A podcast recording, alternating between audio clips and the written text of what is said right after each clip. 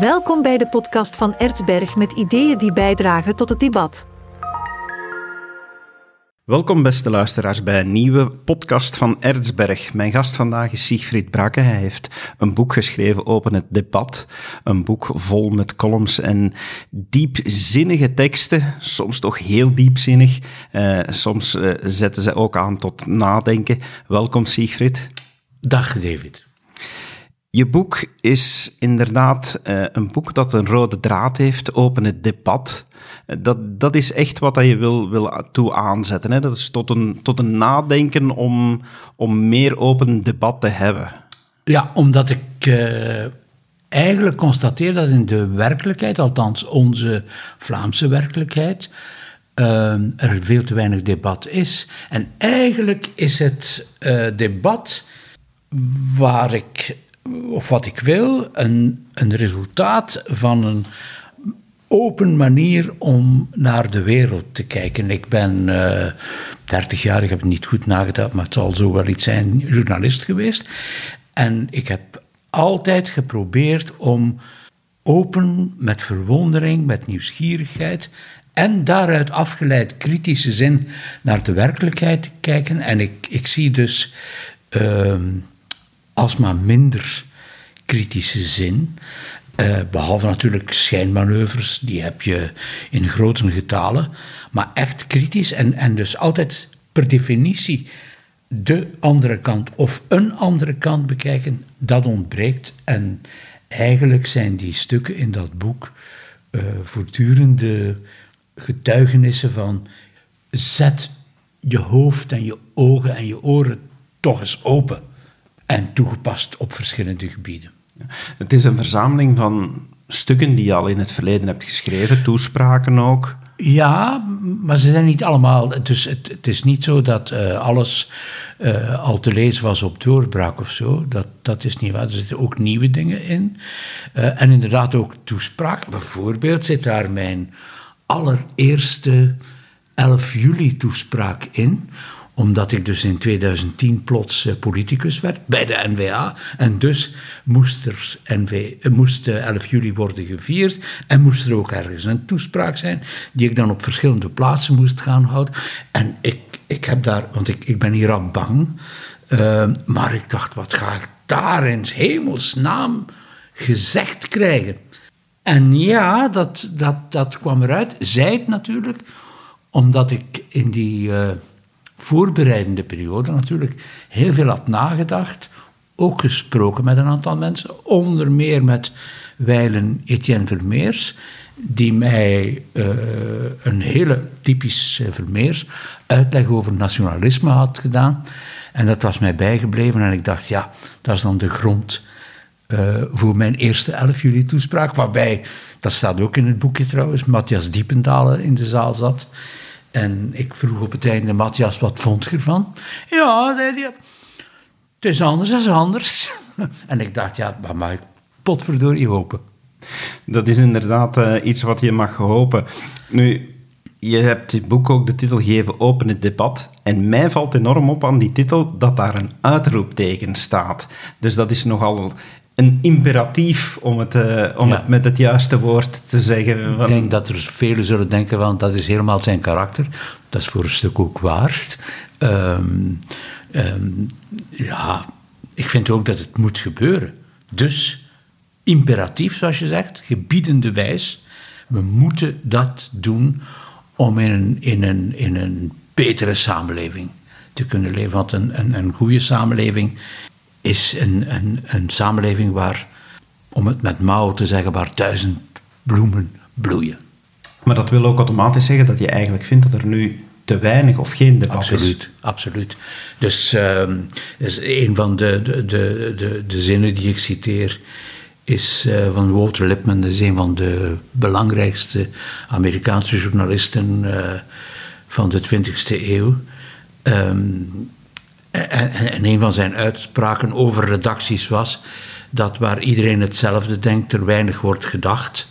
Dat is absoluut waar. En, en ik heb uh, eigenlijk zowel binnen de VRT en dan nadien, in mijn leven als politicus, altijd geprobeerd om vanuit een soort helikopterzicht ook eens een andere kant van de werkelijkheid te bekijken.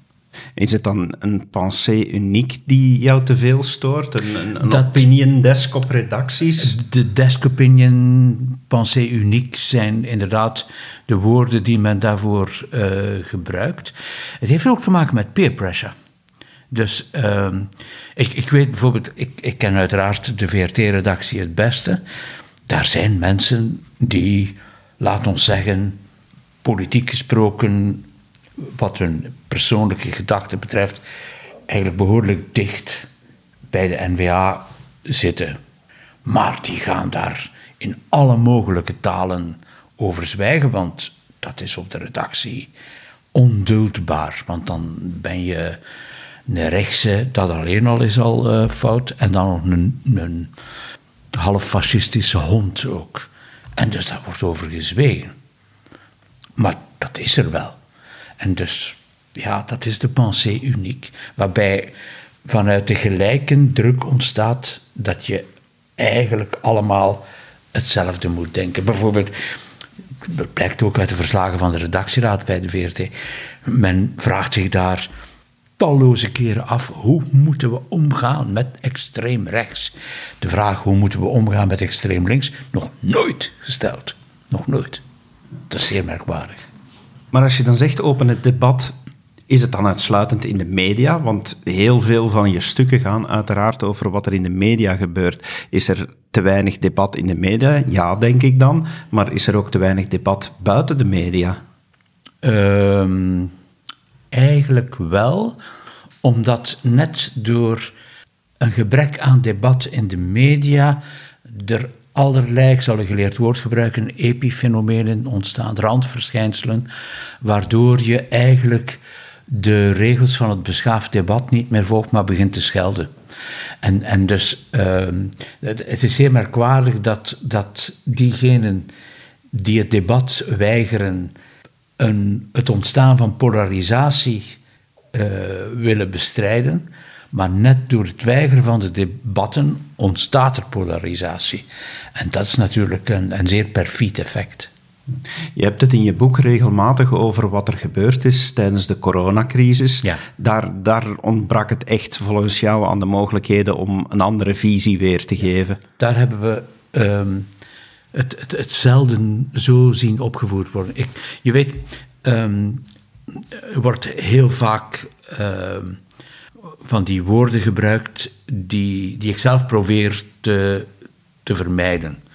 En eigenlijk nooit gebruik. Bijvoorbeeld, een van die woorden is regimepers. Dat, ik denk niet dat dat woord in het boek voorkomt. Maar eigenlijk wat we gezien hebben tijdens corona. En ik wil nog mild zijn voor de eerste maanden, omdat niemand wist waar het over ging en wat er ging gebeuren enzovoort. En dan is natuurlijk alle hens aan dek. Maar na een paar maanden bleek men dat wel al min of meer te weten. Wel, door de manier waarop, eh, met name in de openbare omroep, uh, het, het uh, debat op verschillende foute wijzen is gemonopoliseerd door de experts en ik hoef ze niet te noemen. En iedereen weet wie dat is. Dat is op zich natuurlijk al zeer merkwaardig. Uh, dat, is echt regimepers.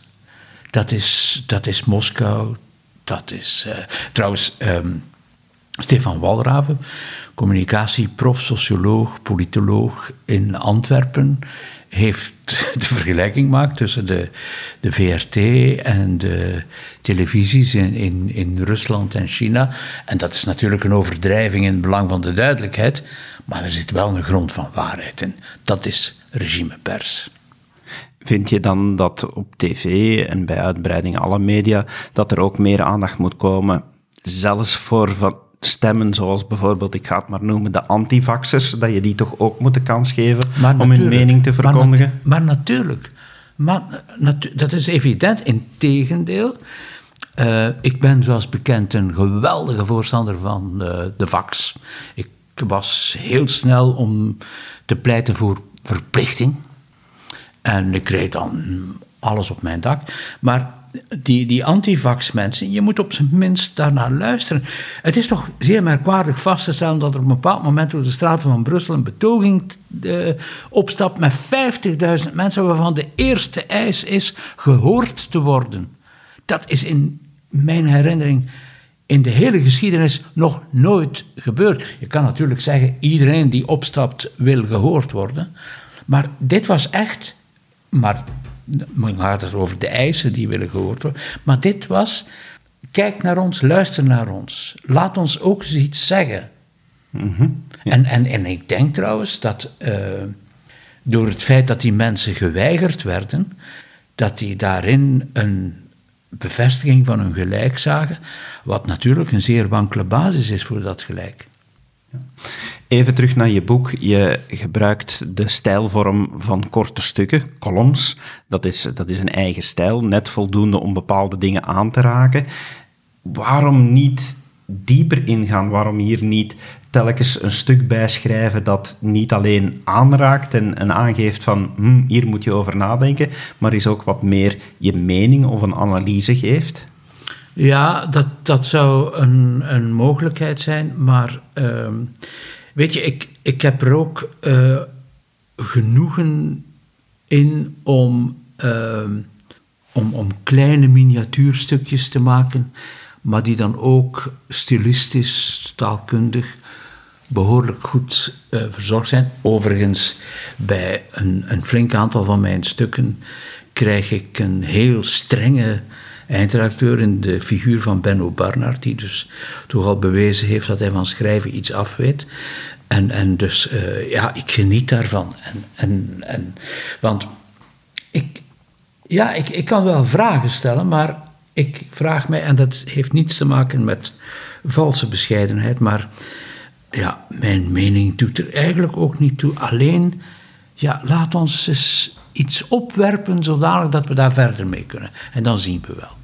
Die ervaringen die je neerschrijft in die stukken, moeten we die vooral lezen wetende dat je de bril hebt opgezet van ex-journalist of ex-politicus of ex-kamervoorzitter of een van de vele uh, lagen van je identiteit die je, die je hebt? Nee, ik heb... Uh, enfin, bijvoorbeeld als ex-kamervoorzitter kon ik uh, nog tot 24 in het partijbestuur van de NVA uh, zetelen. Ik heb dat niet gedaan. Ik heb een, een streep getrokken, zoals ik ook mijn journalistiek leven heb uh, beëindigd op een bepaald moment en de stap naar de politiek gezet. Zo heb ik nu weer een streep getrokken, een cesuur zeg maar. En ik noem mijzelf, maar in alle eerlijkheid, ik heb dat gestolen van Raymond Aron, de Franse uh, denker die zichzelf ook uh, spectateur engagé noemde. En ik ben dus een geëngageerd waarnemer. In, uh, in je boek, toen ik het las, dan, dan had ik vaak het gevoel van... Oké, okay, uh, hier, moet ik, hier moet ik wel eens over nadenken. Maar wat was, was, dat, eh, was dat jouw doel om dat te bereiken bij de lezers? Dat ze zo het gevoel krijgen van... David, okay, je, dit... je kan mij moeilijker een, een, een mooier compliment maken dan wat je net hebt gezegd. Dat is de bedoeling. Dat je inderdaad gaat nadenken. Zet toe. Maar dat is al heel veel, hè? Voor en sommigen is dat ben, heel en veel. Ben, En ben ik dus buitengewoon blij met die reactie. Voilà. Hm. Laat ons dan hopen dat er nog zulke reacties komen. Ik mag het hopen, ja. Je hebt het ook vaak over je ex-werkgever, de VRT. Um, ehm, het is niet, denk ik, je bedoeling om aan te geven dat het enkel bij de VRT mis zit. Maar ja, misschien... Ja, maar het is natuurlijk... Er zijn twee dingen die spelen. Ten eerste, mijn eigen verleden. Ik kom daaruit. En twee, um, het is zeer merkwaardig, hè, want de, de VRT is een overheidsinstrument. Voornamelijk gefinancierd met belastinggeld. En het rare is dat de politiek zich daar eigenlijk ver van afhoudt. Veel over klaagt dat wel, maar ze, ze doen daar niks mee. Terwijl na het onderwijs de VRT de Vlaamse instelling is waar mensen het meest mee te maken krijgen. Onderwijs, buiten kijf, iedereen gaat naar school, dus dat is een, een massieve machine, zullen we maar zeggen. Maar dan komt de VRT. En want de Vlamingen kijken ook al is dat gedrag aan het veranderen, kijken behoorlijk veel naar televisie en luisteren naar de radio. En dat is dus overheidsbestuur waar ze mee te maken krijgen. En toch zie je dat, want mijn kritiek op de VRT is eigenlijk even zo goed kritiek op de verzamelde politiek, inclusief de NVA. Zij laten daar van alles gebeuren, zonder zich daar veel van aan te trekken, officieel, terwijl ze natuurlijk op talloze vergaderingen beginnen te klagen over de manier waarop ze worden behandeld enzovoort. En vaak is dat ook wel terecht. Wat ik dan dacht is, oké, er ontbreekt debat in de media. Niet alleen bij de VRT, maar bij uitbreiding alle media. Ook in het politieke debat. Maar er is toch ook het internet. Een veelheid aan meningen, je kan alles vinden. Dus er is eigenlijk toch wel genoeg materiaal om, om te debatteren en van mening te verschillen. Ja, maar het voordeel is het nadeel. Namelijk, er is zoveel materiaal dat je je weg daarin niet vindt. Ik denk trouwens ook dat journalistiek een vak is. Dat je uh, als lezer, wat ik zelf heel veel ben, door een journalist kan worden meegenomen en in, op een betrouwbare manier. En, en dus dat is veel interessanter, want bijvoorbeeld, allez, je ziet ook, dus je kan zeggen we zijn minder afhankelijk van media, want er is het internet en daar is alles op te vinden. Tegelijk moet je vaststellen dat de manieren om de kluit te belazeren zo enorm zijn, door dat internet uitgerekend, dat je dus... Je, je ziet bijvoorbeeld dat partijen, heel veel belang, politieke partijen, heel veel belang hechten aan hoe ze op het internet scoren.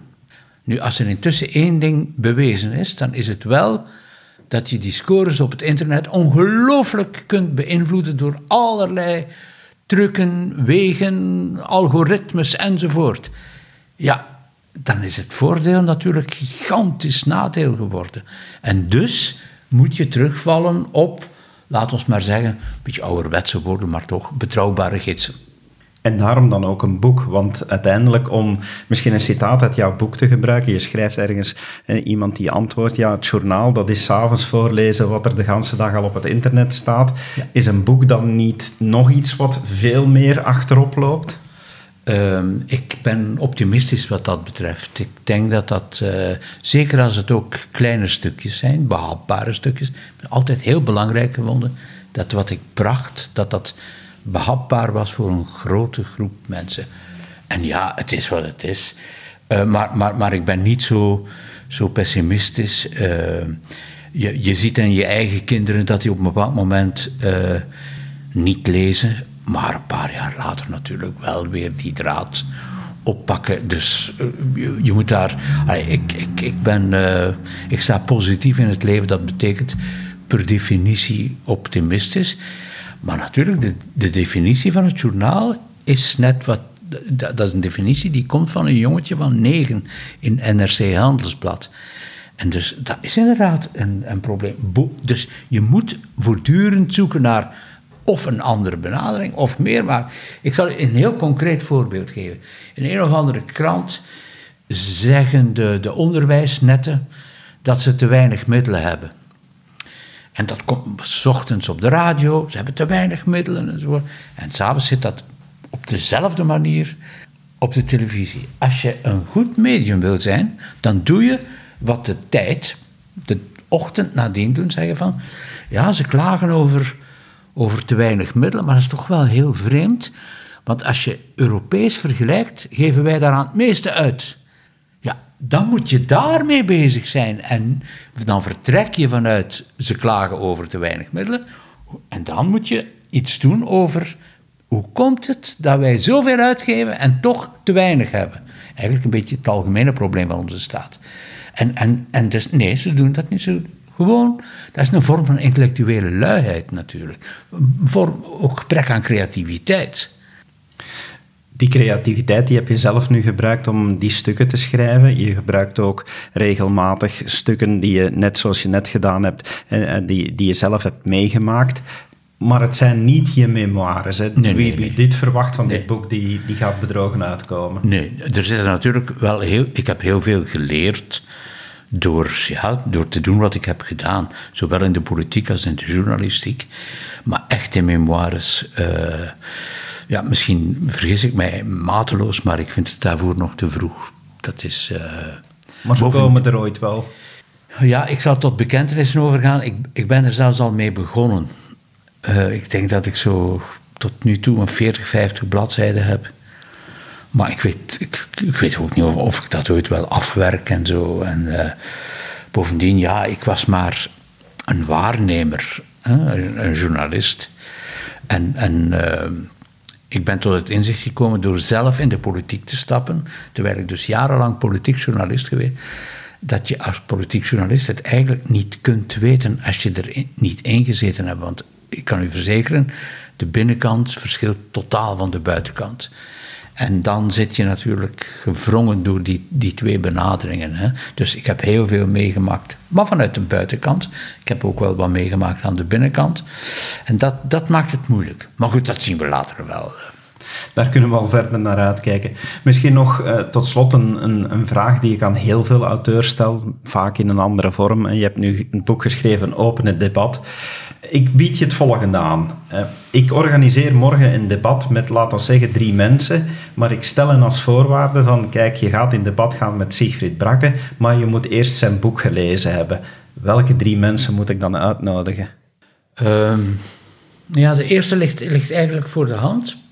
Um, dat is de, de of een van de hoofdredacteurs van de VRT. Want het is zeer opvallend, die mensen zijn totaal onbekend. Die houden zich ook voortdurend in de luwte. Dat is natuurlijk een methode om te blijven zitten.